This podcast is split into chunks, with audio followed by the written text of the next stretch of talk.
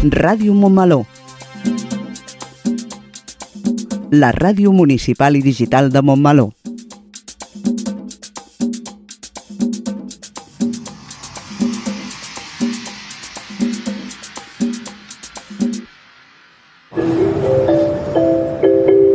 Propera parada, Montmeló.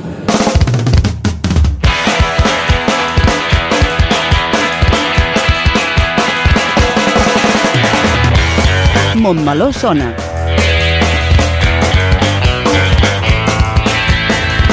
El magazín informatiu de Ràdio Montmeló.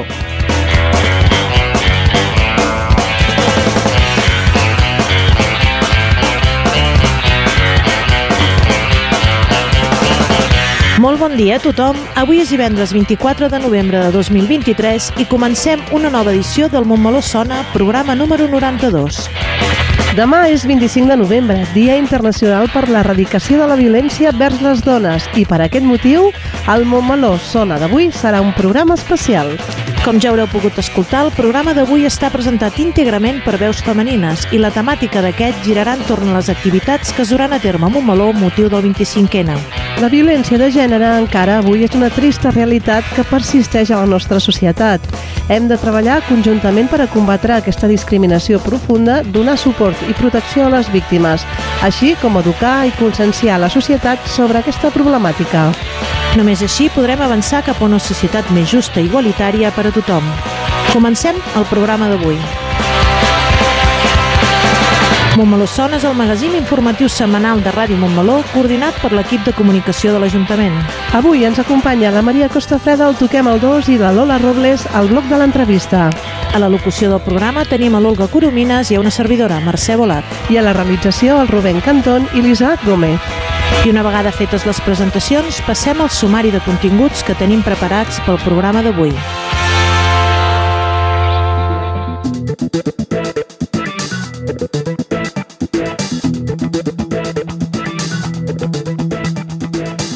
Comencem amb el Toquem el 2, on la Maria Costafreda ens porta a Granollers a gaudir del Festival de Cinema Fantàstic amb en Ramon Daví, director artístic del festival. Seguirem amb el nostre espai informatiu Crònica de Montmeló, on farem un repàs de l'actualitat del nostre poble.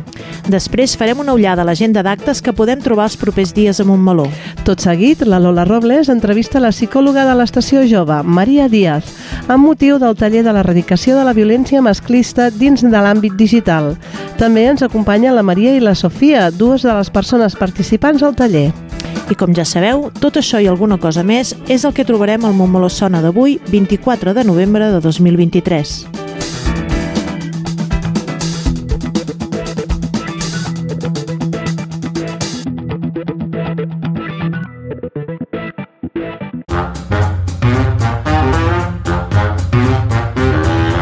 Montmeló sona, el magazín informatiu de Ràdio Montmeló.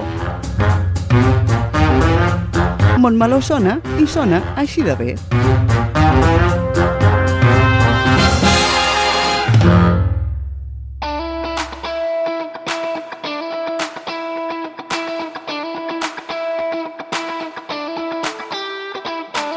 Una setmana més, els del Toquem el 2 som aquí per tal de donar informació de les activitats culturals i d'oci d'arreu de Catalunya.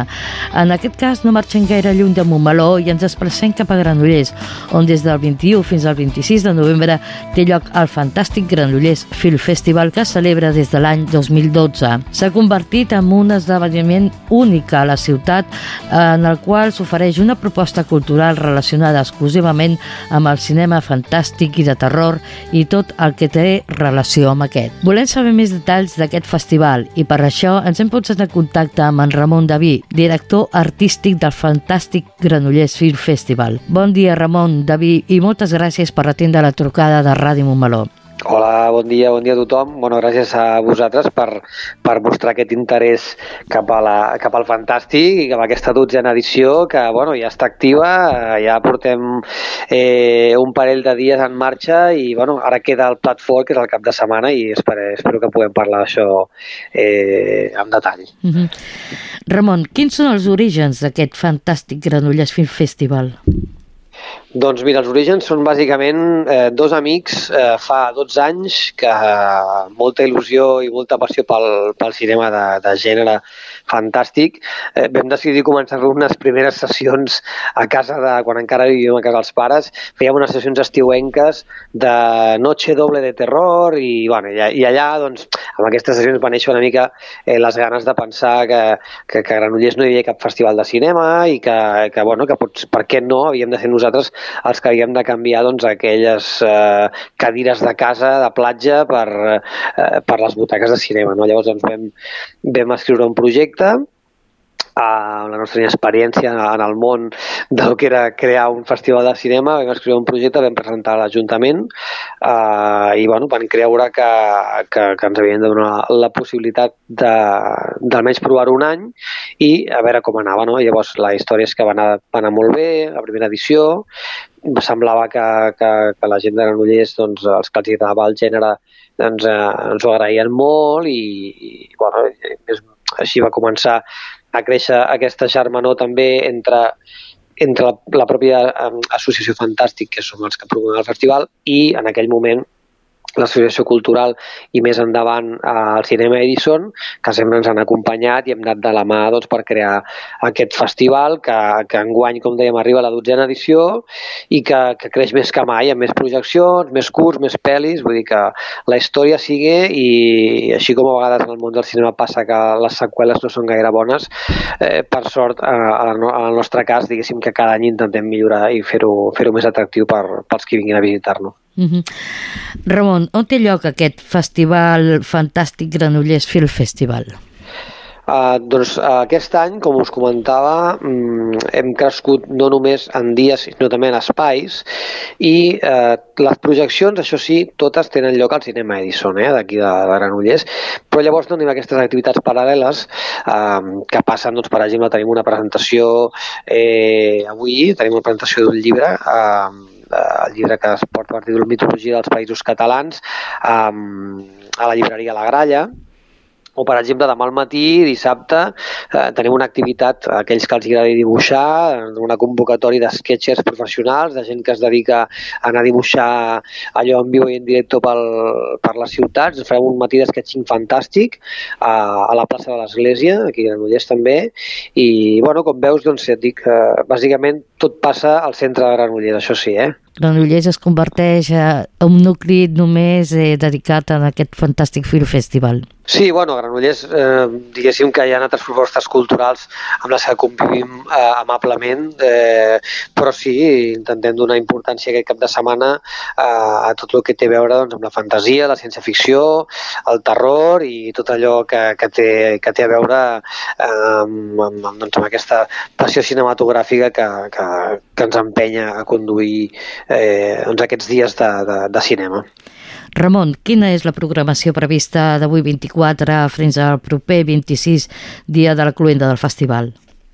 Doncs avui divendres, com us deia, comença una mica els plats forts. Eh, tenim la, la, la segona sessió de curtmetratges, eh, que aquest any tenim eh, 21 curtmetratges de competició, la secció competitiva del festival, en la que donem un seguit de premis econòmics i tenim un jurat especialitzat. I avui, doncs, com dèiem, eh, la sessió, pels que vulguin venir, han de saber que l'entrada que compren els hi entra el pack sencer, els hi entra el bloc de curtmetratges i després eh, hi ha una pausa pausa per sopar, allà al recinte de, de l'Edison tenim, tenim doncs, per, hi ha una, un servei de, de barra i de més per sopar, i després hi ha la projecció eh, de la pel·lícula francesa Vincent Masdai, una pel·lícula d'acció trepidant, en el que una persona, en aquest cas el protagonista, es desperta un dia i no sap per què tothom el vol matar dius, bueno, i llavors eh, a veure que es va desenvolupant una trama bastant, bastant curiosa respecte doncs, a, aquest, a aquest fet que us comento. No? Això per divendres. I llavors, el dissabte, eh, al matí, com us deia, aquesta activitat de, de dibuix, eh, sketching fantàstic, oberta a tots els públics i gratuïta, Um, durant el matí, a més, tindrem l'animació musical del col·lectiu Viatge Electrònic, que és un col·lectiu que fan aquí eh, doncs, saraus relacionats amb la, amb, la, amb la música disco i la música electrònica, tot molt, molt divertit i molt amè.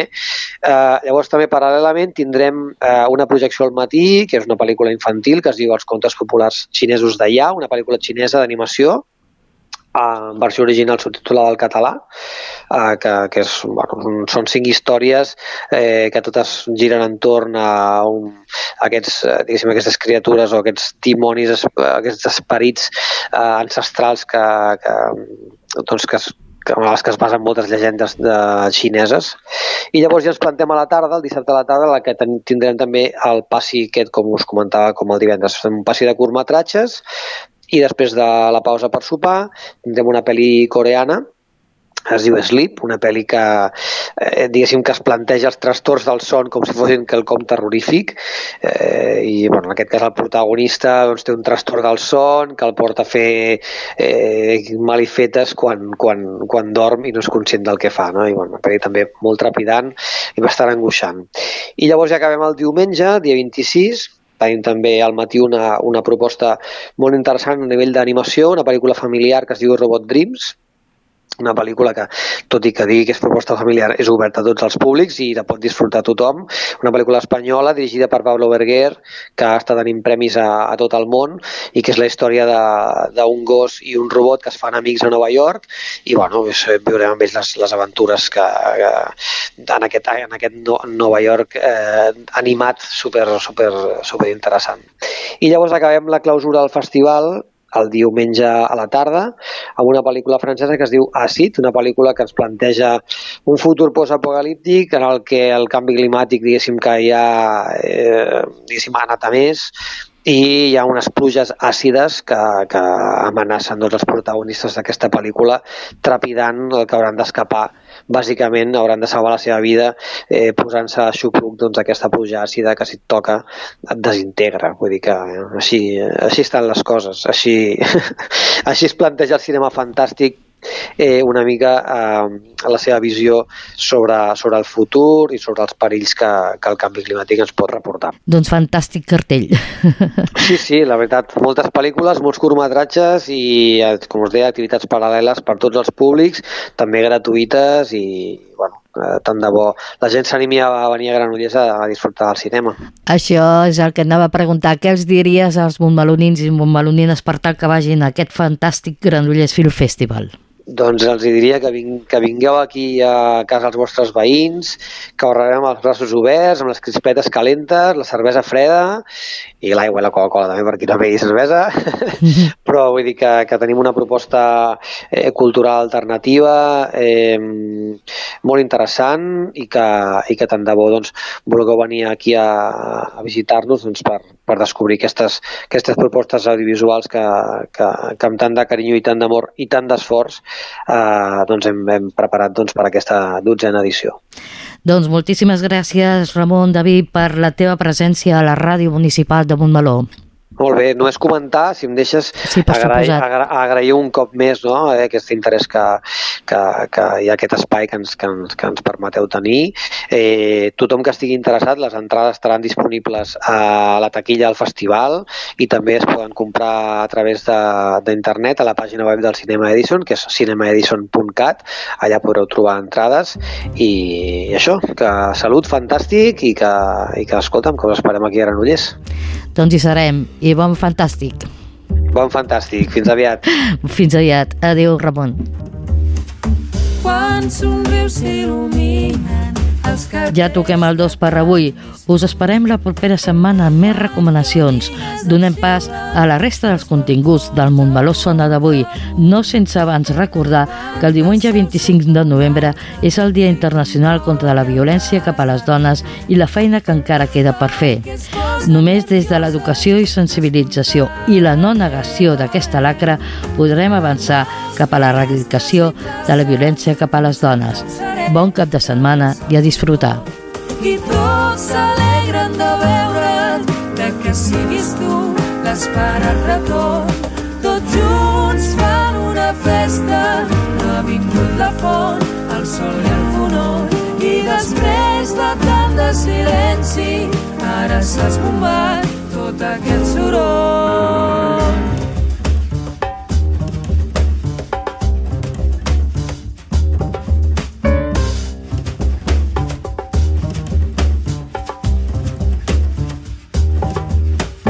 Quan respires tot l'aire, vol vibrar amb els teus pulmons. Quanta jups papallones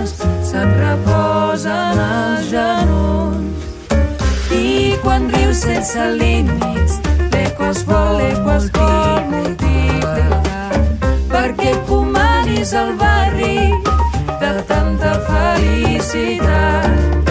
Asfalts, parets i diaris et volen mostrar tantes novetats i el fum de les xamanelles et dibuixa flors per on vas passant tots junts per alegres despertar ens fa perdre el son i després de cantar el silenci ara van cridant tot aquest soroll.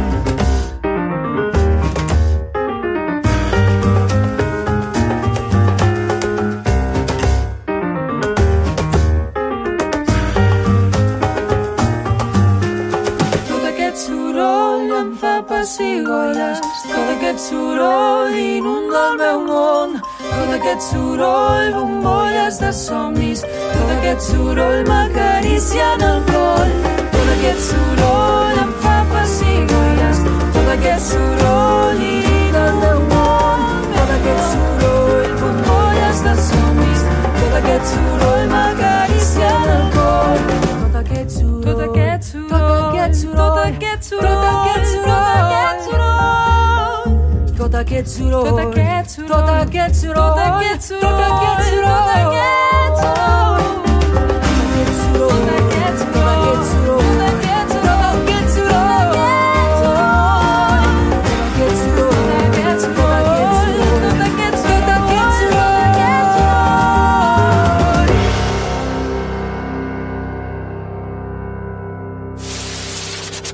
Ei, escolta, els infants també parlen. Des de Sant Jordi fins al Pau Casals. Tots tenim veu. L'últim dissabte de cada mes a les 12 del migdia. No més por. No més violència. No més víctimes. Només dones lliures. Volem els carrers de pobles i ciutats, lliures de violències masclistes. 25 de novembre, Dia Internacional per l'Eliminació de la Violència envers les Dones. Diputació de Barcelona.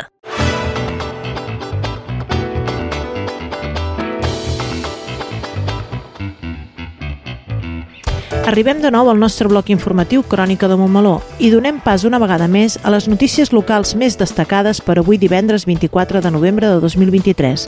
Aquest és el sumari pel programa d'avui. Montmeló contra la violència vers les dones. Jo vull saber el programa en participació ciutadana de Ràdio Montmeló. Obert el període de preinscripció de l'I3 a l'escola esportiva. Inscripcions als cursos de català per adults. Setmana Europea de la Prevenció de Residus fent balanç. Recollida de voluminosos, mobles i trastos vells. Davant l'agreujament de la sequera s'activa la situació de preemergència. A més d'aquestes notícies, us parlarem sobre els actes previstos per aquests propers dies.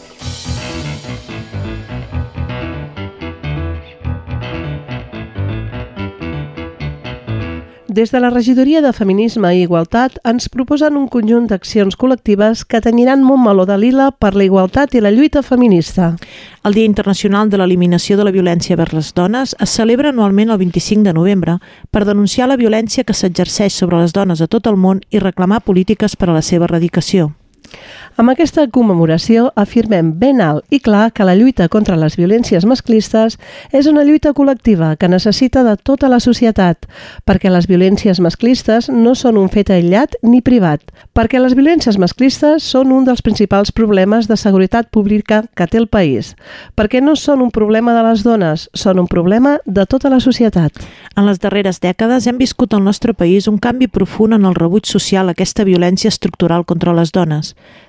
Per arribar fins aquí, ha calgut posar nom a les diferents formes que adopta i assenyalar tots els àmbits en què es produeix.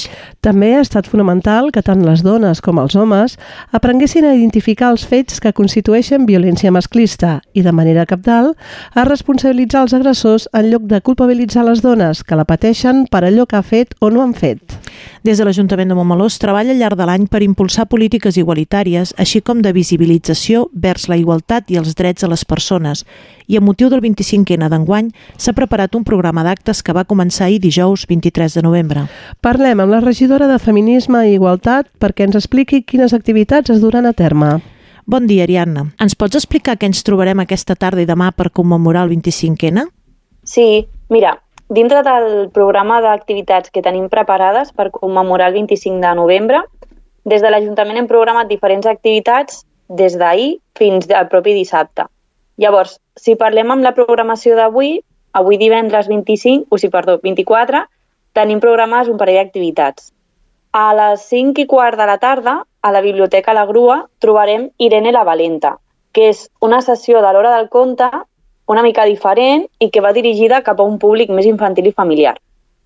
Però després, més tard, cap a les 6 i mitja, a la sala de la Concòrdia trobarem una, una sessió programada de debat i d'expressió teatral sobre la violència masclista, dins del que seria l'àmbit més digital, que també és, el, és un àmbit que ens estem trobant ara doncs, que hi ha més necessitat. I aquesta, aquesta proposta va dirigida a tota la ciutadania. I pel que fa demà, dissabte els actes se centraran en el que és la plaça de la Vila i tenim diferents activitats.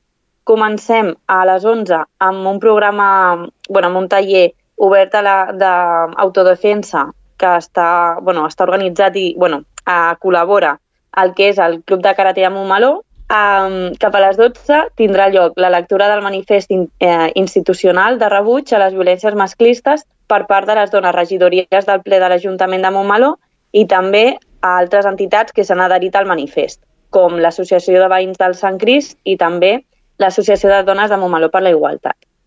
I després, de 12 a 2, trobarem diferents jocs. Un és el joc de l'oca feminista, a, a, que és un joc similar, diguem, al joc que ja coneixem tradicional, però que aquest cop ens farà reflexionar sobre desigualtats de sexe i, i sobre el feminisme.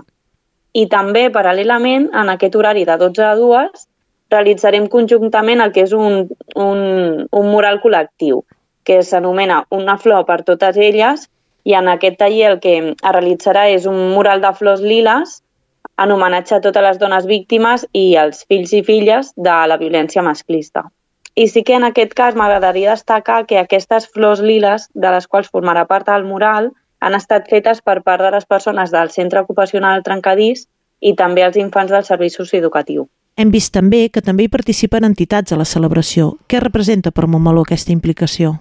Doncs eh, nosaltres des de la Regidoria de Feminisme i Igualtat el que fem és convidar les entitats a que participin no, dintre del que són les activitats que programem i també sempre convidem a, a que les entitats s'adhereixin al nostre manifest. Llavors, eh, per nosaltres, per Montmeló, creiem que és important que les entitats hi participin i que formin part d'aquests actes, ja que al final el que fem és rebutjar conjuntament i commemorar doncs, eh, tant, bueno, rebutjar la violència i commemorar la lluita contra les violències masclistes, ja que entenem que és una lluita col·lectiva i que és un problema de tota la societat, no només de les dones, i que és veritat que nosaltres des de l'administració doncs, tenim aquesta responsabilitat, però no només hem de treballar des d'aquesta banda, sinó des de tots els àmbits a nivell col·lectiu. Per què és important dedicar un dia a commemorar la violència de gènere? Doncs, a veure, jo penso que els dies internacionals o els dies commemoratius eh, penso que haurien de servir per destacar aspectes significatius. És a dir, és un dia que ens ajuda a posar en el centre problemes d'interès general no? de, que afecten a tota la societat i que ens permet doncs, sensibilitzar, el que és també conscienciar o dir-ho també d'una altra manera com cridar l'atenció, no? eh, però sobretot que considero que ens ajuden a senyalitzar assenyalar els problemes que com a societat encara tenim sense resoldre.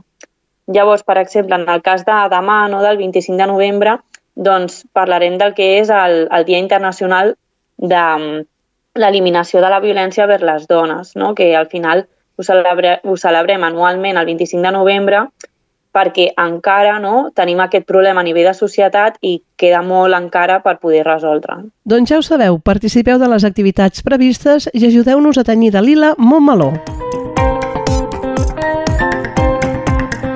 Des del mes de març de l'any passat, Ràdio Montmeló compta amb un programa de participació directa de la ciutadania. Es tracta del programa Jo vull saber, on l'alcalde contesta tota una bateria de preguntes. En aquest programa, els protagonistes són la ciutadania i l'alcalde de Montmeló. A través dels canals de la ràdio, web, correu electrònic i WhatsApp, s'envien preguntes, dubtes i inquietuds sobre les qüestions del municipi que afecten a tothom i l'alcalde les respon. Una altra característica del programa és la seva emissió en directe a través del canal d'Instagram de l'Ajuntament i de la ràdio, canals a través dels quals es poden fer arribar preguntes que seran respostes en aquell moment. Les preguntes es poden fer arribar fins al matí del dia de l'emissió del programa, que normalment es grava el darrer dimecres de mes a les 6 de la tarda.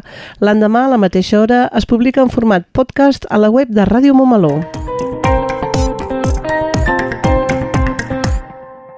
Del 13 al 30 de novembre es poden inscriure els infants i 3 a les activitats a l'Escola Esportiva de Montmeló del Pavelló. L'inici del curs és el mes de gener de 2024 i l'activitat es du a terme els dimarts i dijous de 5 a 6 de la tarda. Per inscriure'ls cal passar pel pavelló. Els preus de l'activitat és de 25 euros de matrícula i 22,90 al mes, més una assegurança de 10 euros. Per a la pràctica esportiva és aconsellable que els infants portin un bidó amb aigua amb el seu nom, cal vestir samarreta, pantaló curt i calçat esportiu. La roba la poden portar posada o canviar-se abans de començar l'activitat.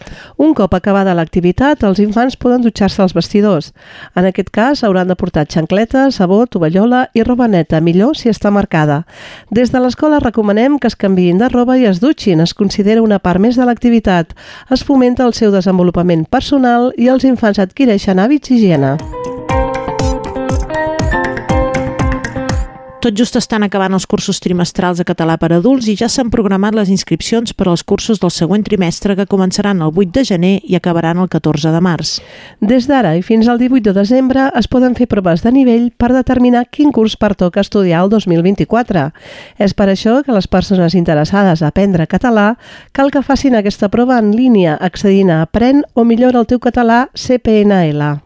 També hi ha la possibilitat de fer la prova de nivell en format presencial a l'Oficina de Català de Montmeló, ubicada al Centre Cultural La Torreta. Les inscripcions seran el 20 i el 21 de desembre i es podran fer tant en línia com acostant-se a l'oficina de català. A Montmeló està previst fer un curs de nivell bàsic 1 per a qui vulgui començar a conèixer la llengua.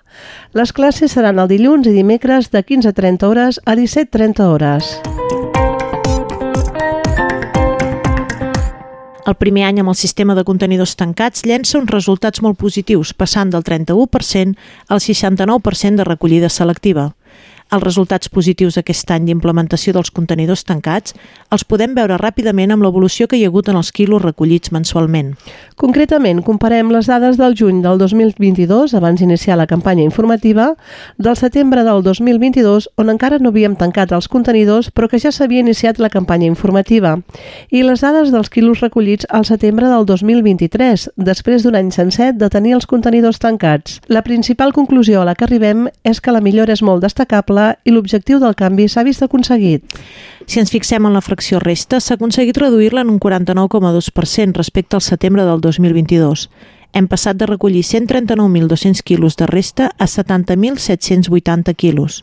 A més, amb l'inici de la campanya prèvia al tancament ja s'havia aconseguit reduir un 21,11%. A més, amb l'inici de la campanya prèvia al tancament ja s'havia aconseguit reduir un 21,11% els quilos de resta mensual recollits. Cal tenir en compte que la fracció resta és la que incrementa més els costos de recollida, transport, tractament, en canvi, la FORM, fracció de matèria orgànica, s'ha vist incrementada en un 64% des del tancament dels contenidors, setembre 2022. S'han recollit 80.280 quilos de form al setembre del 2023 respecte als 52.620 quilos recollits al setembre del 2022. Aquesta fracció ja s'havia vist incrementada des de l'inici de la campanya, ja que les dades mostren un increment del 60 en 80% del juny del 2022 al setembre del 2022. La fracció de matèria orgànica és la més important a incrementar, ja que mostra una bona separació dels residus. Pel que fa als envasos, també hi ha hagut un increment que demostra una bona separació dels residus generats a cada habitatge. I és que si es van recollir 52.620 quilos al setembre del 22, al setembre del 2023 s'han recollit 80.280 quilos, representant això un increment del 52,57%. Del juny de 2022 al setembre del 2022, l'increment havia sigut del 56,98%, denotant l'èxit de la campanya prèvia als contenidors tancats. És important remarcar que l'increment de la recollida dels envasos és una bona senyal de separació, però és un residu al qual tenim com a objectiu reduir-ne el seu ús per la problemàtica que genera. El paper i cartró també s'ha vist incrementat, però tan sols en un 3,45% el primer any de canvi de sistema de contenidors. Però amb l'inici de la campanya prèvia als contenidors tancats es va veure un augment interessant del 64,60%, passant dels 15.880 quilos recollits al juny del 22, 26.138 quilos recollits al setembre del 22, fet que mostra que és la fracció a la qual la ciutadania va mostrar facilitat a separar i que ha mantingut. Diferent a les altres fraccions hi ha la de vidre, la qual s'ha mantingut molt similar al llarg del temps, si comparem el mes de setembre del 2022.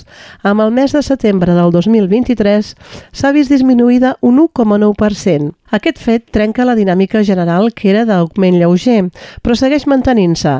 Sí que va haver un augment més notable del juny del 2022 al setembre del 2022, el qual va ser del 18,40%. El vidre és la fracció que històricament s'ha separat de forma més habitual a les llars. Així doncs, en general, veiem que la tendència a la millora de totes les fraccions i el canvi ha quedat implementat amb èxit. Des de l'inici del nou sistema de recollida s'ha anat mantenint la reducció de la fracció resta i l'augment de les altres fraccions, en especial form i envasos. Aprofitant la celebració de la Setmana Europea de la Prevenció de Residus, s'han donat a conèixer aquestes dades. Parlem amb el regidor del Medi Ambient, Antoni Gil, per tal que ens valori aquests resultats i ens expliqui els actes previstos per a la commemoració de la Setmana de Residus. Bon dia, Toni. Acabem d'explicar la millora en les dades de la recollida de Montmeló des del canvi de model de contenidors. Quina valoració ens podeu fer d'aquestes dades? Home, molt positives, la valoració és molt positiva. Eh, pensar que or, la reducció d'un 49,2% de la resta en un any, eh, de la fracció resta en un any, és tot un èxit. No?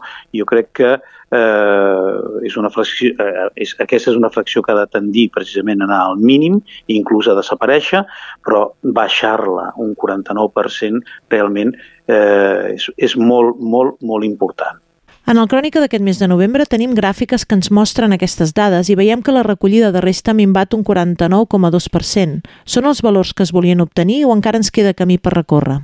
Ens queda camí per recórrer, tal com et comentava, la idea nosaltres que tenim, evidentment la fracció resta és reduir-la pràcticament fins a fer-la desaparèixer, reduir-la al mínim, però de totes maneres, eh, com a to positiu també, i amb, la mateixa, i amb, i amb el mateix sentit que t'he comentat abans, aquesta reducció de la fracció resta, també és el creixement que ha obtingut la recollida selectiva a Montmeló, que hem passat d'un 31% abans del canvi de model de, de recollida a un 69%.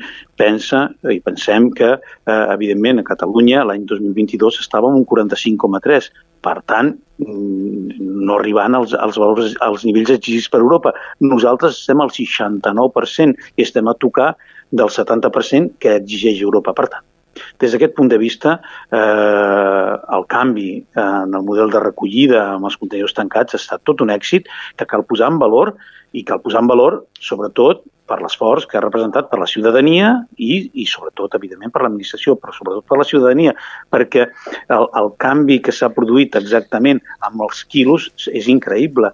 Hem passat de recollir 139.200 quilos de passar de 139.200 quilos que recollíem abans del canvi de resta, hem passat a 70.000 quilos. Per tant, aquesta reducció del 49 en quilos és realment eh, molt, molt, molt important. I a la inversa, a la inversa, en el que fa referència a la recollida, a la recollida selectiva. Per tant, satisfets d'aquest primer any, molt satisfets i agraïts a la ciutadania que ha entès perfectament el nou model i que està realment doncs, eh, seguint-lo com cal. Aquest diumenge 26 finalitza la Setmana Europea de la Prevenció de Residus. A Montmeló s'han previst diferents activitats. Ens pots explicar què trobarem a Montmeló avui divendres i demà dissabte? Mira, ahir dijous va haver-hi a l'Escola Sant Jordi, deixa'm començar per ahir dijous, la deixalleria mòbil, eh, que es va fer al Col·legi Sant Jordi, es van fer la visita escolar a la deixalleria. Demà divendres tindrem paradet al mercat, en el mercat tindrem la carpa del reciclatge, que serà una parada informativa, i en lliurarem a la ciutadania doncs, una bossa reutilitzable eh, presentant, evidentment, la targeta tria que tots tenim a casa. El, dis, el dissabte farem una activitat eh, de pedagogia i amb jocs educatius per a qualsevol edat, que és aquí no llancem res, aquí ho reciclem tot. Això serà a la plaça de la Vila a dos quarts de quatre de la tarda. Perdó, divendres a la tarda. Avui a la tarda tindrem això. I dissabte repetirem el mateix taller el dissabte al matí a les 10 del matí a la plaça de la Vila. I també en previsió ja, dijous dia 30 de novembre, tindrem a l'Escola Bressol la fireta, la deixalleria mòbil, i el dia 1 de desembre repetirem la carpa de reciclatge que mm, avui hem instal·lat en el mercat, avui divendres hem instal·lat, un altre divendres de nou per tota aquesta gent que vulgui doncs, recollir la seva bossa reutilitzable. També en el si dels tallers, la gent que presenti la seva targeta, una sola vegada, evidentment, podrà obtenir també aquesta bossa reutilitzable. Recorda, si passes per la carpa del reciclatge amb la targeta TRIA, et lliuraran una bossa reutilitzable. El servei de recollida de mobles i trastos vells facilita la correcta recollida de residus domèstics voluminosos. Per utilitzar aquest servei cal trucar prèviament al telèfon del Consorci per a la gestió de residus del Vallès Oriental, telèfon 93 870 87 53, on s'informarà de quan es poden treure els residus i on es poden deixar. És molt important l'ús d'aquest servei per mantenir una bona imatge del municipi. Els mobles o trastos s'han de deixar al lloc acordat, evitant ocupar la vorera entre diumenge al vespre i el dilluns abans a les 7 del matí. La recollida de mobles i estris vells és un servei que es presta per a aquells residus que pel seu volum no es poden introduir dins del contenidor del carrer i així facilitar la seva gestió evitant que el municipi ofereixi una mala imatge. Els mobles i trastos que es recullen són sofàs, portes, mobles, cadires, caixes i llistons de fusta, persianes o joguines trencades, entre d'altres. I els que no heu de llançar a la via pública són la runa, sanitaris o objectes similars si s'han fet obres a l'habitatge. Les neveres, frigorífics o aparells d'aire condicionat en components de CFC s'ha de dur al punt verd per tal de protegir el medi ambient. Recordeu que deixar els trastos o mobles vells a la via pública sense previ avís comporta molèsties i pot ser motiu de sanció. També podem portar els trastos vells, voluminosos i restes a la deixalleria municipal. El govern de la Generalitat, davant l'agreujament de la sequera, ha activat un nou escenari, la preemergència. L'activació de la preemergència, a més de comportar restriccions, és una crida per forçar l'estalvi abans d'arribar al llindar d'emergència, el 16% d'aigua als embassaments. És evident que en un context d'escassetat de recursos hídrics és necessària la col·laboració de totes les administracions implicades i altres entitats que prestin el servei, alhora que l'esforç i la participació de la ciutadania per tal de promoure conductes associades a l'estalvi de l'aigua i minimitzar el risc risc de desabastament de la població. L'estat de les reserves d'aigua a les conques internes és d'un 19% i l'estat de la sequera pluviomètrica és severa. No ens podem quedar quiets esperant que plogui. Cal la implicació de tothom i és gràcies a la col·laboració ciutadana i a l'esforç de tothom que es poden endarrerir les restriccions possibles amb el que s'estalvia de mitjana a Catalunya, un 4%, es pot garantir el subministrament per a més de 6 milions d'habitants durant un mes. El territori de les conques internes es divideix en 18 àmbits a efectes de gestió de l'aigua disponible, en situació de sequera i de l'aplicació de les mesures que l'acompanyen. En el cas de Montmeló, que pertany a l'embassament Ter Llobregat, ens trobem en cas d'excepcionalitat. L'Ajuntament, amb els objectius de garantir l'ús racional de l'aigua i la prestació del servei de subministrament d'aigua a la població, ha redactat una ordenança que contempla un seguit de limitacions particulars pensades per als municipis de les conques internes de Catalunya que serà sotmesa properament a l'aprovació del ple. L'objectiu final és dotar l'Ajuntament de les mesures necessàries per fomentar l'estalvi en els consums d'aigua i regular els usos de l'aigua en el municipi en situació de sequera. Les campanyes de la Generalitat són prou clares. Per tenir aigua cal tancar l'aixeta. L'aigua no cau del cel. Estalviar aigua. És urgent. Nou consells top per a l'estalvi d'aigua. Alguns són ben coneguts, però tot i així no està de més recordar-los. Instal·lar airejadors i reductors de cabal d'aigua a les aixetes. Són un dels instruments més útils, ja que permeten reduir el cabal d'aigua que surt per qualsevol aixeta. Barregen aigua amb aire i permeten estalviar fins a un 50%. Piscines plenes tot l'any. Tenir la piscina plena és un tresor preuat que cal mantenir en bones condicions per evitar buidar-la és aigua que es perd. Protegir-la i mantenir-la assegura que estigui plena tot l'any. Plantar gespa al voltant és un error. Les restes afecten la qualitat de l'aigua i, a més, consumeix molta aigua de rec. El vàter no és una paperera. Fer servir el vàter com a paperera, cotonets, productes d'higiene íntima, tovalloletes, menjar, és un error. Un vàter normal buida entre 9 i 12 litres d'aigua en cada ús. Tira-ho a la paperera, no al vàter. Rentadores plenes. Cal fer servir la rentadora amb la càrrega completa i utilitzar els programes d'estalvi. Com més eficient és l'electrodomèstic classe A o superior, més aigua estalvia. Revisar les instal·lacions d'aigua. Una aixeta que goteja pot perdre fins a 1.000 litres d'aigua al mes. Reparar i mantenir les instal·lacions i dispositius d'aigua ens ajuda a estalviar i no malbaratar. Extra, extra. Obtenir i reutilitzar aigua extra, recollir l'aigua en un cubell mentre no surt calenta i recollir l'aigua en un recipient mentre rentes la fruita i la verdura és molt útil. Es pot utilitzar per netejar la casa o regar les plantes. Dutxa o bany. Dutxar-se i tancar l'aigua durant l'ensabonar pot estalviar fins a un 70% d'aigua respecte a prendre un bany omplint la banyera, on es gasten uns 300 litres d'aigua. També existeixen reductors de cabal per les dutxes. Petits gestos, grans estalvis. Tancar l'aixeta mentre ens rentem les mans o ens rentem les dents és un gest senzill i fàcil. És una bona pràctica que contribueix molt a l'estalvi d'aigua a les llars i a no malbaratar-la.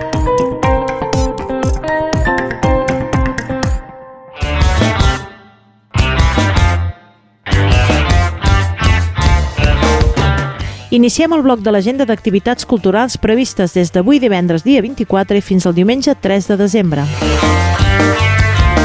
Avui, divendres, dins els actes de la Setmana Europea de la Prevenció de Residus, a partir de dos quarts de deu del matí, dins el mercat setmanal, trobareu la carpa del reciclatge, parada informativa on podreu resoldre tots els dubtes que tinguis sobre la recollida de residus a Montmeló. Presentant la targeta Tria, us podreu endur una bossa feta amb material RPTE elaborat a partir de plàstic reciclat.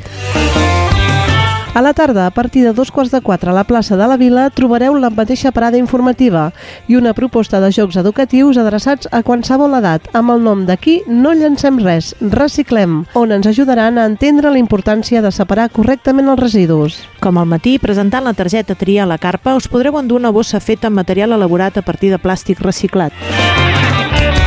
A un quart de sis de la tarda la Biblioteca La Grua s'afegeix als actes de commemoració del 25N, amb l'hora del conte, adreçada a infants a partir dels 4 anys. Irene la Valenta, sessió de contes a càrrec de Cacauet Teatre. La Irene té una missió, portar-li un vestit a la duquesa. No l'espantarà la tempesta ni un vent, perquè ella és Irene la Valenta. I acabem divendres a dos quarts de set a la Sala de la Concòrdia amb un nou acte del 25N. A partir del debat i l'expressió teatral treballarem la violència de gènere a les xarxes i reflexionarem sobre la violència masclista dins l'àmbit digital des de la prevenció i la sensibilització social. Dissabte 25 seguim amb els actes de la Setmana Europea de la Prevenció de Residus i a partir de les 10 del matí la proposta de jocs educatius adreçats a qualsevol edat amb el nom D'aquí no llancem res, reciclem, on ens ajudaran a entendre la importància de separar correctament els residus. Presentant la targeta Tria, us podreu endur una bossa feta amb material RPTE elaborat a partir de plàstic reciclat. I dissabte 25, Dia Internacional per l'Eliminació de la Violència vers les Dones, la plaça de la Vila es tenyeix de lila per commemorar aquesta data amb diferents activitats. A les 11, taller obert d'autodefensa impartit pel Club Karate Montmeló. A les 12 hores es farà la lectura del manifest institucional de rebuig a les violències masclistes. Un cop acabada la lectura i fins les 14 hores, trobarem el joc de l'oca feminista, un joc de l'oca gegant que promou la reflexió sobre les desigualtats de sexe i el feminisme. Simultàniament es farà un taller Una flor per a elles per crear un mural de flors liles en homenatge a totes les dones víctimes de violència masclista. Diumenge 26 acabem aquesta setmana tan farcida d'activitats amb una nova proposta del grup Xarxa. A les 5 de la tarda a la sala polivalent La Torreta, la companyia teatral Esgrata ens oferirà un espectacle teatral per a tota la família, La princesa en texans. Les entrades s'han de comprar a la web d'Entràpolis al preu de 7 euros per a les persones adultes i 4 euros als infants. Dijous 30, encara dins els actes de la Setmana Europea de la Prevenció de Residus, de les 9 del matí a la 1 del migdia, el camió adaptat per a la recollida de residus urbans, la deixalleria mòbil s'instal·larà davant l'Escola Bressol La Fireta. Divendres 1 de desembre, a partir de dos quarts de deu del matí, la carpa del reciclatge estarà en el mercat setmanal. Parada informativa on podreu resoldre tots els dubtes que tingueu sobre la recollida de residus a Montmeló. Presentant la targeta TRIA us podreu endur una bossa feta amb material RPTE elaborat a partir de plàstic reciclat. A les 6 de la tarda, a la sala polivalent, una nova projecció de cine chic, amb la pel·lícula Operació Pare Noel. En William, de 10 anys, demana un regal molt particular per aquest Nadal, el mateix Pare Noel en persona. Pel·lícula recomanada a partir dels 5 anys, amb entrada gratuïta, però cal reserva prèvia a través de la web d'Entràpolis. Dissabte 2 de desembre, a partir de les 9 del matí al centre del poble, una nova edició del Mercat de Segona Mà i Col·leccionisme. Reutilitza, repara i recicla. Si tens articles que ja no utilitzes i estan en bon estat o articles de col·leccionista, porta'ls i ven-los. El mercat tanca les paradetes a la una del migdia. Per participar-hi cal inscripció prèvia gratuïta al correu promoec arroba montmeló.cat. Seguim amb el dissabte a les 10 del matí a la plaça de la Vila, jornada de cooperació i solidaritat amb activitats, actuacions i parades solidàries organitzada per la sectorial de cooperació del Consell de Poble i amb la col·laboració de diferents entitats del municipi.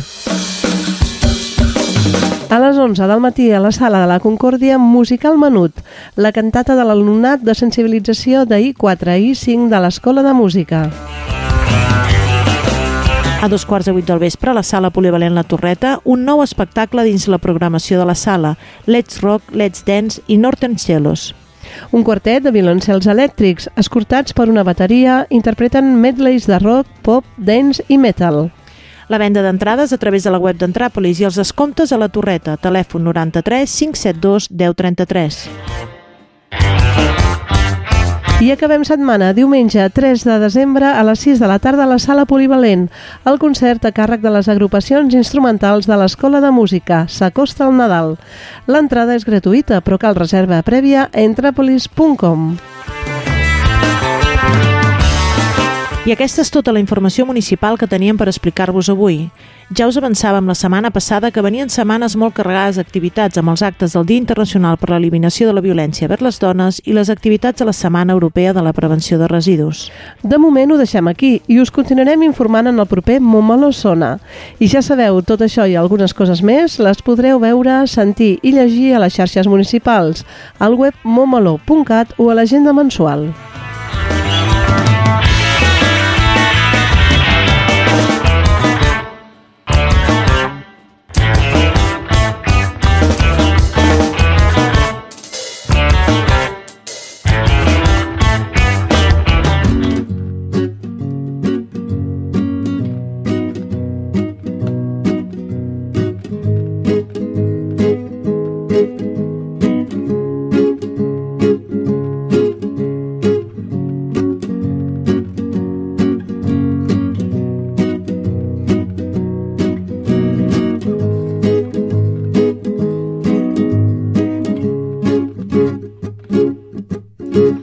Él era un violador cualquiera, tenía por delante toda una vida de alegrías y penas y libertad sexual. Pero no calculó, nunca pensó que un día una mujer sobreviviera a su agresión, dejase de ser víctima tomando la cerilla y el bidón.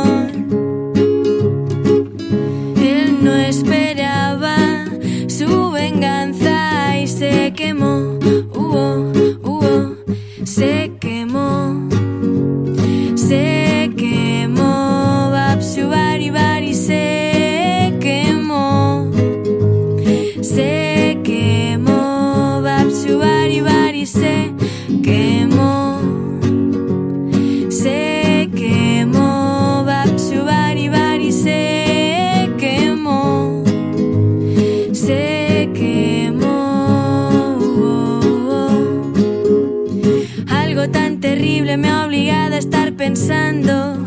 Y es que creo que vestido con ropa tan inflamable, él se lo estaba buscando. Tendría que haber vuelto a casa un poco más temprano. Probablemente había estado bebiendo. Y es que todas sabemos que el alcohol te hace susceptible al fuego.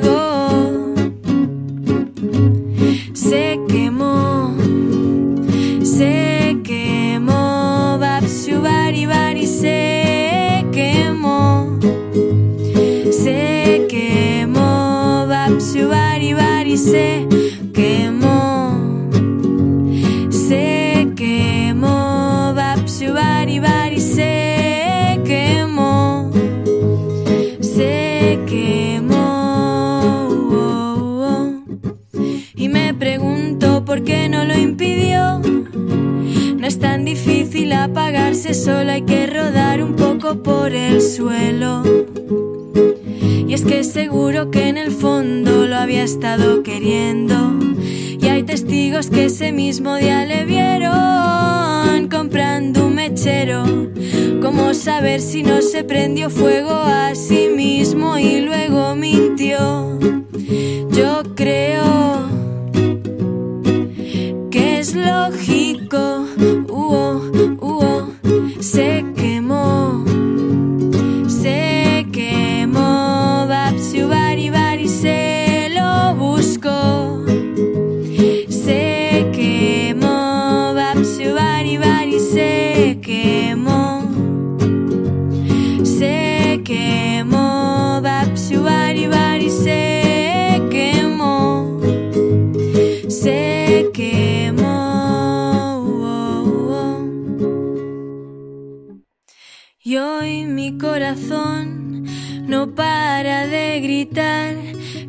Por su propia seguridad hay que educar a los violadores.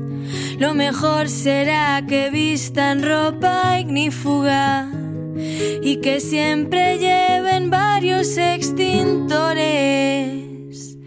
Se quemó, se quemó, Bapsu bari bari se quemó, se quemó, Bari bari se quemó, se quemó, Bapsu bari bari se lo buscó, se quemó, oh, oh, se quemó. Montmeló al punt. El magazín dels alumnes de l'Ins Montmeló. Tot en un podcast. L'últim dimarts de cada mes a les 5 de la tarda. Disculpa, Sí? teniu càpsules de cafè? Sí, són un altre passadís i gràcies per parlar en català, així el puc practicar. Gràcies a tu. Quina bona atenció. L'atenció als clients en català aporta valor afegit. Al comerç, tothom té dret a ser atès si utilitza el català. Si tens un negoci d'atenció al públic i et cal assessorament sobre el català o formació per als teus treballadors, adreça't al Consorci per a la Normalització Lingüística. I si necessites informació sobre els usos del català a l'empresa, tens a disposició l'Oficina de Garanties Lingüístiques. Gràcies, fins aviat. 012. La millor resposta. Generalitat de Catalunya.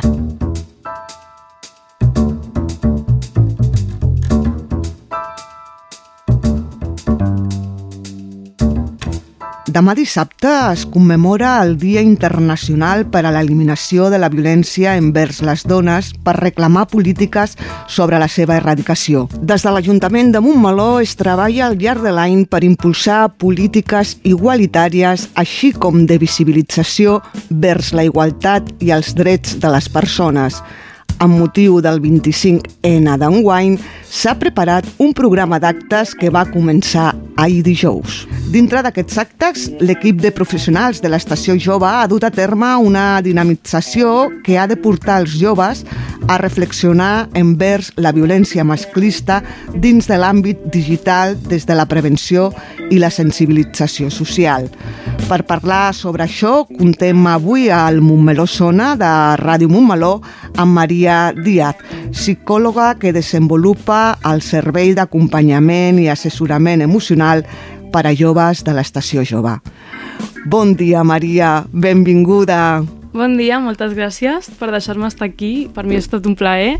Primer de tot, en què consisteix aquest servei d'acompanyament i assessorament emocional per a joves? Es tracta d'un servei que s'anomena Escolta Jove i que oferim els dimecres a la tarda, de 4 i mitja fins les 8 i mitja. La dinàmica general és que jo vaig preparant tallers per cobrir certes necessitats que anem detectant. però també s'ofereix un acompanyament individu- individualitzat. És a dir, si algun jove eh, necessita parlar d'algun tema, ha tingut algun conflicte, eh, li agradaria expressar alguns sentiments que està passant o alguna situació, eh, jo com a psicòloga sóc una figura referent per ells i poden parlar amb mi sempre que ho necessitin. Has parlat de detectar necessitats. Quines són aquestes necessitats emocionals que presenten els joves i adolescents d'avui dia? Vale, aquesta pregunta és molt interessant perquè jo crec que com a societat encara no hem arribat a la resposta, perquè si hi haguéssim arribat potser ja s'hauria solucionat millor el tema, però des de la meva perspectiva jo crec que, que el problema actual és molt que als joves els hi costa parar-se i sentir què els hi passa. O sigui, saber què els hi passa, coneixes una mica millor com funcionen ells mateixos, saber etiquetar els seus sentiments i emocions i saber gestionar i treballar-los per poder millorar la seva relació amb aquests. Maria, com treballeu el tema de les emocions entre joves i adolescents? Vale, t'explico el que vam estar fent aquestes dues setmanes anteriors.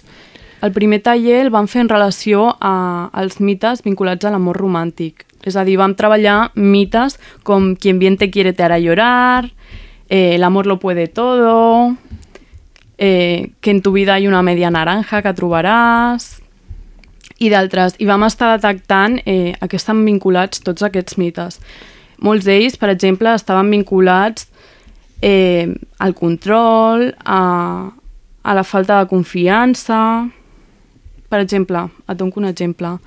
Eh, la idea que és molt popular de que hi ha un amor a la teva vida. Trobaràs eh, l'amor de tu vida. Bueno, es tracta d'una idea molt, irreal, eh? molt irreal. Al final eh, no té per què haver-hi un únic amor a la teva vida. O potser no hi ha cap. No és una cosa que està escrita i estipulada que tothom ho trobarà. Això és mentira. I, i al final això et pot generar molta ansietat, et pot generar molta pressió sobre i si tinc un problema perquè jo no he trobat aquesta persona de la meva vida o com l'he trobat, tot i que em tracti malament, no la deixaré, perquè clar, és l'amor la, de la meva vida, no el puc deixar. I pot arribar a portar situacions a, al tractament i suportar-les per por a, a quedar-te sol, a no trobar d'altres persones. Tots els joves que van venir, tot i que no van ser molts, van participar molt. A més, vaig poder veure que, que són bastant conscients del fet de que aquests que he mencionat són mites, per exemple, i no són reals. El que sí que vaig detectar que potser hauríem de treballar una mica millor és com esperem que sigui un amor sa i un amor real. Que això ja pues, no tenien tants recursos, potser, per saber què està bé. Saben el que està malament, que ja és un pas molt bé, o sigui que està molt bé, però, però potser hem de treballar més què, què hem de buscar. I segons tu, com es construeix una relació d'amor de parella sana? Com es construeix? Clar, no és el mateix de quines característiques té.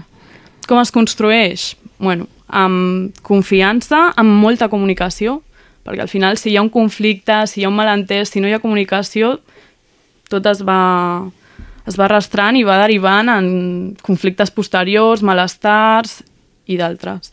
Eh, és molt important la comunicació, és molt important l'escolta, perquè sense escoltar i saber comunicar assertivament no hi ha una bona comunicació bilateral, eh, amb respecte, empatia, amb llibertat, responsabilitat afectiva... Jo crec que també hi ha d'haver-hi com una...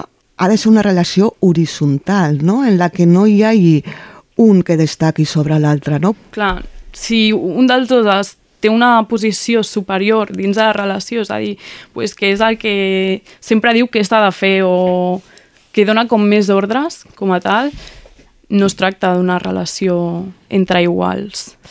Quins recursos utilitzes per identificar les emocions? Clar, no és fàcil, no és fàcil, però, però per exemple, donar molta informació. Hi ha moltes dinàmiques, eh, hi ha moltes activitats, per exemple, vinculades amb, el, amb la improvisació, amb el teatre. Això els hi facilita molt perquè, per exemple, els dius t'has de ficar el paper d'una persona que està enfadada perquè ha viscut aquesta situació. Allà ells fan un exercici d'empatia que també ajuda molt a, a distingir. No és el mateix enfadar-se, que està frustrat, que, que sentir-se malament amb un mateix que amb els altres. Els joves i adolescents han crescut amb les noves tecnologies, estan hi- hiperconnectats i això implica un risc perquè moltes vegades són utilitzades per exercir la violència de gènere. Sí, això és cert. Al final, la- l'aparició de les xarxes socials ha ampliat la interacció entre nosaltres i ho ha fet cap a bé i cap a malament. És a dir, s'ha pogut utilitzar pues, per conèixer més gent, per poder socialitzar d'una altra manera, però també ha donat aquesta part d'anonimat a molta gent que fa eh, ús d'aquestes xarxes socials pues, per fer d'altres coses que, que no són tan positives. Moltes vegades, bueno, segur que molts de vosaltres, sobretot noies, heu rebut missatges d'homes desconeguts o si heu viscut una situació de violència de gènere, pues, el mòbil i les xarxes socials s'han pogut utilitzar com a manera per a controlar, per a dir no pengis això, això sí que ho has de penjar, penja una foto amb mi, que tothom sabia que tens parella, que ningú, cap home t'envia un missatge. Al final les xarxes socials han pogut donar un altre espai perquè això succeeixi. Com bé hem dit, al final les xarxes socials poden accentuar aquest control. Bueno, els mecanismes de control al final et fan perdre la llibertat i una relació sana es basa en la llibertat, en la confiança i el respecte. I el control no permet que hi hagi això. Quins diries tu que són els principals estereotips de gènere que circulen per les xarxes? eh, com tots hem vist o escoltat fora al carrer o per gent coneguda, eh, jo crec que les xarxes socials s'estilen els mateixos, és a dir, mm, la figura de la dona com una figura delicada, que es cuida, eh, que cuida molt la seva estètica, eh, que es maquilla, que té el cabell llarg, fins i tot el tema de les operacions estètiques, que està a l'ordre del dia, eh, és també molt, molt important. I, i els homes, pues, una figura masculina, eh, que té poder, que, que per exemple és molt esportista, també tenen molts aspectes vinculats a, a la seva estètica. Al final segueixen haver-hi aquesta figura de que el gènere masculí mm, té un poder que el gènere femení no té. Les estadístiques revelen un increment de la violència masclista entre joves i adolescents. Inclús hi ha un percentatge elevat de nois que neguen la seva existència, que continuen reproduint vells patrons discriminatoris. Com s'explica això? Bona pregunta. Jo de vegades tampoc sé quina és la resposta, però al final sabem que és una realitat, això i que succeeix a dia d'avui, i que per tant és molt necessari que segueixin hi havent dies i actes com el 25 de novembre que recordin a tothom, a tota població, que és una cosa que segueix exist existint, però que està molt invisibilitzada. Hem de fer educació, hem de posar l'accent en l'educació. L'educació des de ben petits en igualtat de gènere és fonamental per no repetir vells patrons, oi?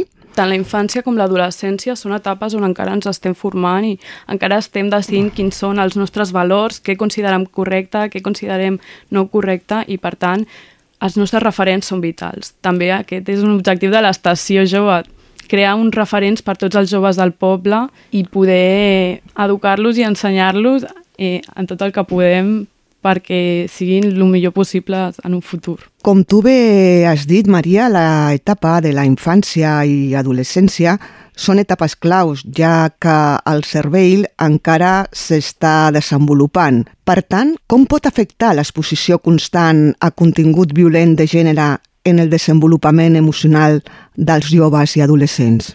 Jo crec, uh, per una part, si ho veuen tan freqüent, poden arribar a normalitzar-lo perquè al final quan veus una cosa cada dia, cada dia, ja és com el pan de cada dia. Ja no et sobta quan ho veus, no et sobta quan escoltes que algú ha viscut una història semblant, que això és un perill, perquè mai s'ha de normalitzar una cosa així. També el fet d'haver viscut eh, certes situacions de, de violència a les xarxes socials pot fer que, que la teva autoestima, per exemple, es vegi afectada o que desenvolupis certes pors eh, en un futur. Maria, com a psicòloga, per tant, quines estratègies o conductes psicològiques es poden aplicar per empoderar les joves i fomentar la resistència a la violència de gènere? Jo crec que al final eh, és molt important conscienciar, tant a les dones com als homes, perquè al final eh, les dones és qui ho pateixen, però els homes qui ho exerceixen. i per tant jo crec que és una cosa de doble banda. Doble banda.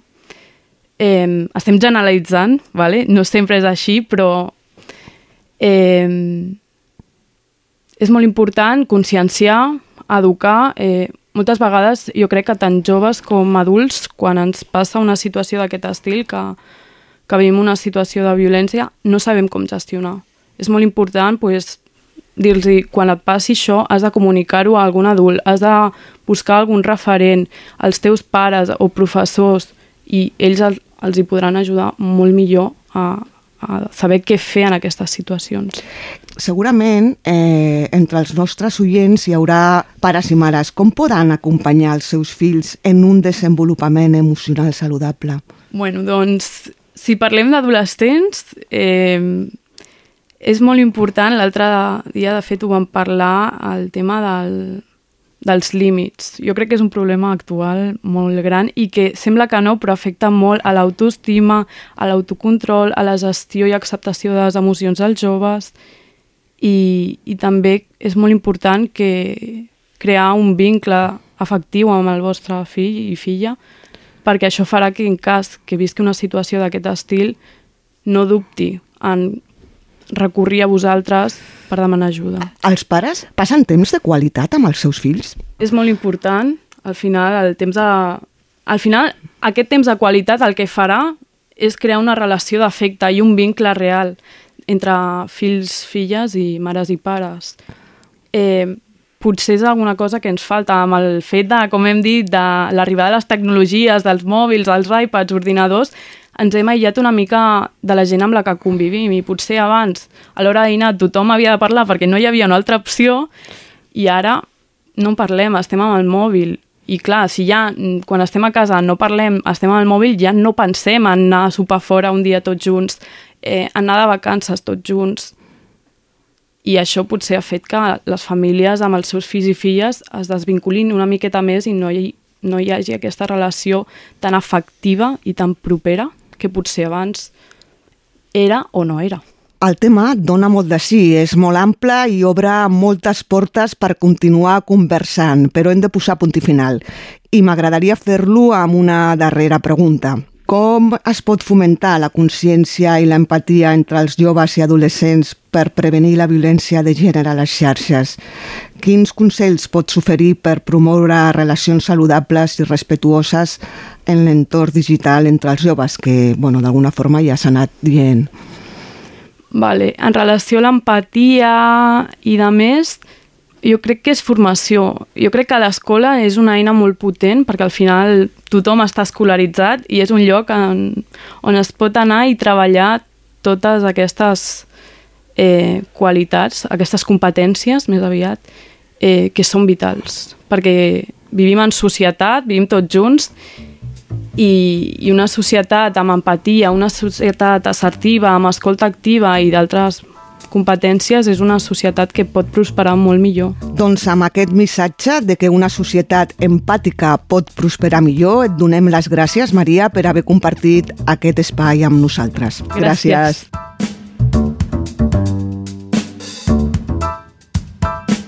Us deixem ara amb dues joves que han participat en el taller de violència de gènere a les xarxes que s'ha dut a terme durant aquests dies a l'estació jove. Es importante que todos, jóvenes y adultos, tomemos conciencia de la importancia del tema que trataremos hoy. Se trata de algo que está presente y nos rodea aunque no siempre lo vemos. Muchas veces se silencia e invisibiliza, lo vemos pero no hacemos nada, le quitamos peso. Todos tenemos a gente cercana que, por desgracia, han vivido una situación de violencia de género. A veces somos cómplices. Nosotros mismos sin ser conscientes normalizamos ciertas conductas que no son adecuadas, que son indicadores y señales del maltrato y violencia. Creemos que es necesario recordar tanto a nosotros mismos como a vosotros que hay muchos tipos de violencia de género y muchas situaciones diferentes en las que se puede vivir esos tipos de violencia. La culpabilización es violencia. La humillación es violencia. El micromachismo es violencia. El chantaje emocional es violencia. La invisibilización es violencia. La desvalorización es violencia. Los gritos son violencia. Las amenazas son violencia. Los insultos son violencia. El control es violencia. La anulación es violencia. El menosprecio es violencia. El aislamiento és violència. Las faltas de respeto son violencia. Aquestes dues setmanes hem pogut treballar mites com El amor todo lo puede, El amor duele, Me trata así porque me ama o Funcionarà porque estamos destinados. Es tracta de frases que tots i totes hem escoltat i ens hem arribat a creure en algun moment. Aquestes fomenten relacions de maltracte i de violència, on es normalitza el patiment, els problemes constants, la desconfiança i es minimitzen les agressions. Parem-ho a temps. No podem ser espectadors passius. Hem d'oferir la nostra mà a aquelles persones que ho necessitin i promoure espais segur per a tots. Tots i totes, nosaltres, podem fer de Montmeló un poble amb més igualtat i respecte, on la violència de gènere no hi tingui cabuda. Mírasme en la disco, eu xa sei que tiras. Todos orbitando como velaiñas Non te pegues tanto, non quero movida. Que para defenderme sobre más amiga Te raes, tío, non perreo sola. Que se bailou, xa bailamos todas. A noite reclama, é a nosa hora Importa unha merda que te bote fora Teño tantas ganas de bailar que me desvelo. O meu corpo treme pero non de medo O perreo ata baixo Pero autoestima no ceo teño Tantas ganas de bailar que me desvelo. O meu corpo treme pero non de medo O perreo ata baixo Pero autoestima no ceo. Sabes que chegamos cando se peta o show. Este flow de filla xa non é para tos Vámonos no baño pero só entramos dous E facémoslo slow. Sabes que chegamos cando se peta o show. Este flow de filla xa non é para tos Vámonos no baño pero só entramos dous Pechamos esta disco pero imos slow Pero imos slow Pero imos Non hai premio que den que supere o que Dez mil cousas que ahora barren hai unha no eran cen Se non prendo non se ve. Amarra tío que me volvo tola Que se al lío eu liámola todas. A noite reclama é a nosa hora Importamos unha merda que nos boten fora Non me raes tío que me volvo tola. Que se al lío eu liámola todas. A noite reclama é a nosa hora Importamos unha merda que nos boten fora desvelo. O meu corpo treme pero non de medo. O perreo ata baixo Pero autoestima no ceo teño. Tantas ganas de bailar que me desvelo. O meu corpo treme pero non de medo. O perreo ata baixo E facémoslo slow. Sabes que chegamos cando se peta o show Este flow de filla xa non é para dos. Vémonos no baño pero só entramos dos. Dous E facémoslo slow Sabes que chegamos cando se peta o show Este flow de filla xa non é para todos Vémonos no baño pero só entramos dous Pechamos esta disco pero imos slow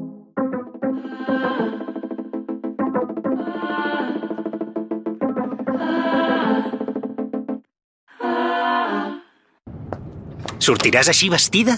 Que tens la regla? Dona, només va ser un petó. Segur que condueix una dona. Opinar sobre el meu cos, fer acudits sexistes, assetjar-me a la feina o al carrer, no és normal. És violència. 25N, Dia Internacional per a l'Eliminació de la Violència envers les Dones. Diputació de Barcelona. Fora de joc. Vols estar al dia a l'esport a Montmeló? Aquest és el teu programa. Presentat per Sílvia Matamoros. Cada dijous a les 9 del vespre a Ràdio Montmeló.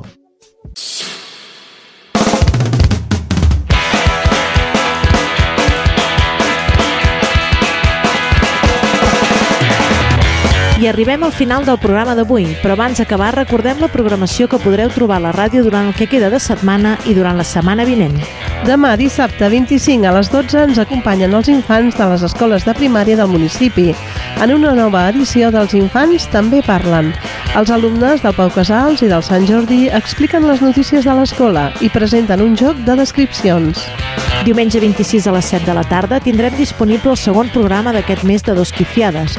Coincidint amb l'anunci de l'adaptació al cinema de Girls, el musical, la Maria Sokolovska i la Irene Cervantes ens parlen de la pel·lícula de 2004 que ho va originar tot, Girls. Dimarts 28 a les 17 hores torna a la ràdio el programa dels alumnes de l'Institut Montmeló. Comencem temporada de Montmeló al punt, amb moltes novetats. Dimecres 29 a les 6 de la tarda podreu seguir en directe a través dels comptes Instagram AJ Montmeló i Ràdio Montmeló el programa Jo vull saber. El Pere Rodríguez, alcalde de Montmeló, respondrà a les vostres preguntes que ja podeu enviar al nostre correu radiomo.montmeló.cat o al WhatsApp 637 150 702. Acabem en divendres 1 de desembre amb el Montmeló Sona, el magazín informatiu setmanal de Ràdio Montmeló, que, com sempre, sonarà a les 12 hores.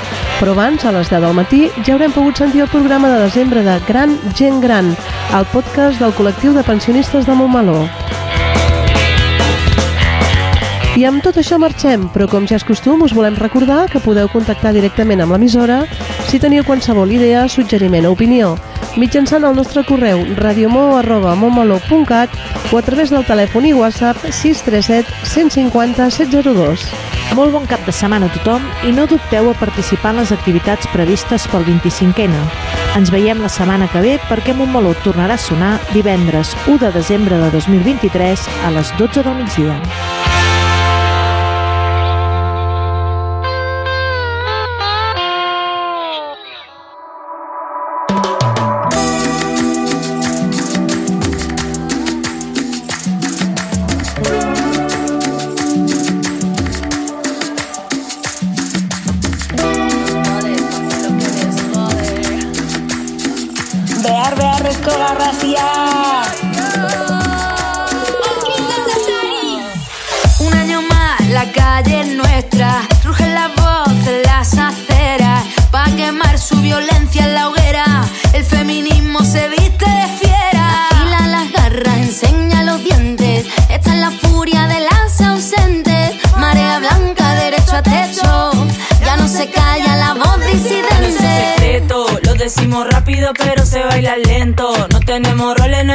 En este cuento. Yo te doy el ritmo y tú le pones movimiento. Con tu movimiento, descaro y talento. Vamos a gritarlo más con todos los acentos. Te traje una cumbia que no tiene documento. Era necesario y llegó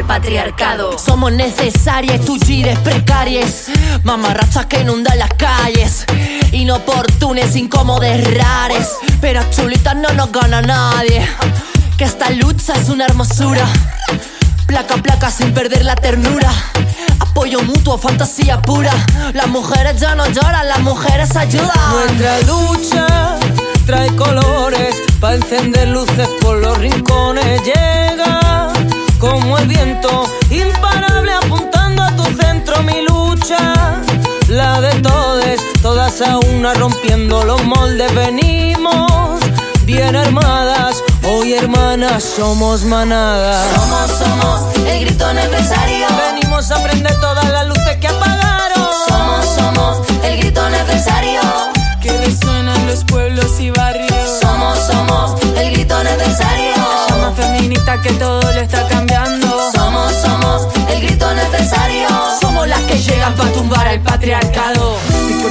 Una ciudad bonita, sueños de vanguardia, mi dolor eclipsa y con las puncarras, Valery Solanas, mil amores traigo, palos y katanas.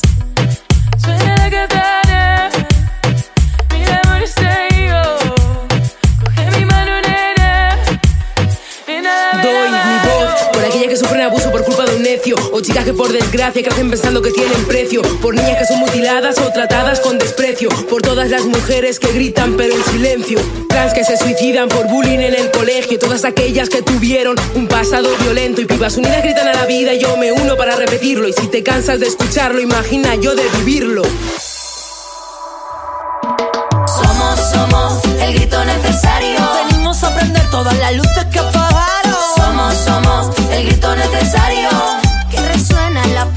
Que y barrio. Somos, somos el grito necesario. La llama feminista que todo lo está cambiando. Somos, somos el grito necesario. Somos las que llegan para tumbar el patriarcado. Lo chilo que cal. El necesario. O berro preciso. Para tumbar el patriarcado.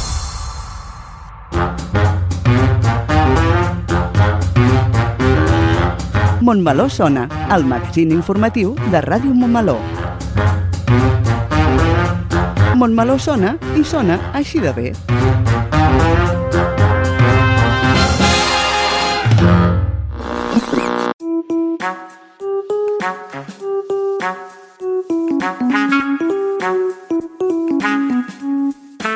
Ràdio Montmeló. Sintonitza'ns al web radiomontmeló.cat i a través de les xarxes d'Instagram, Facebook i Twitter. Ràdio Montmeló, la ràdio municipal i digital de Montmeló.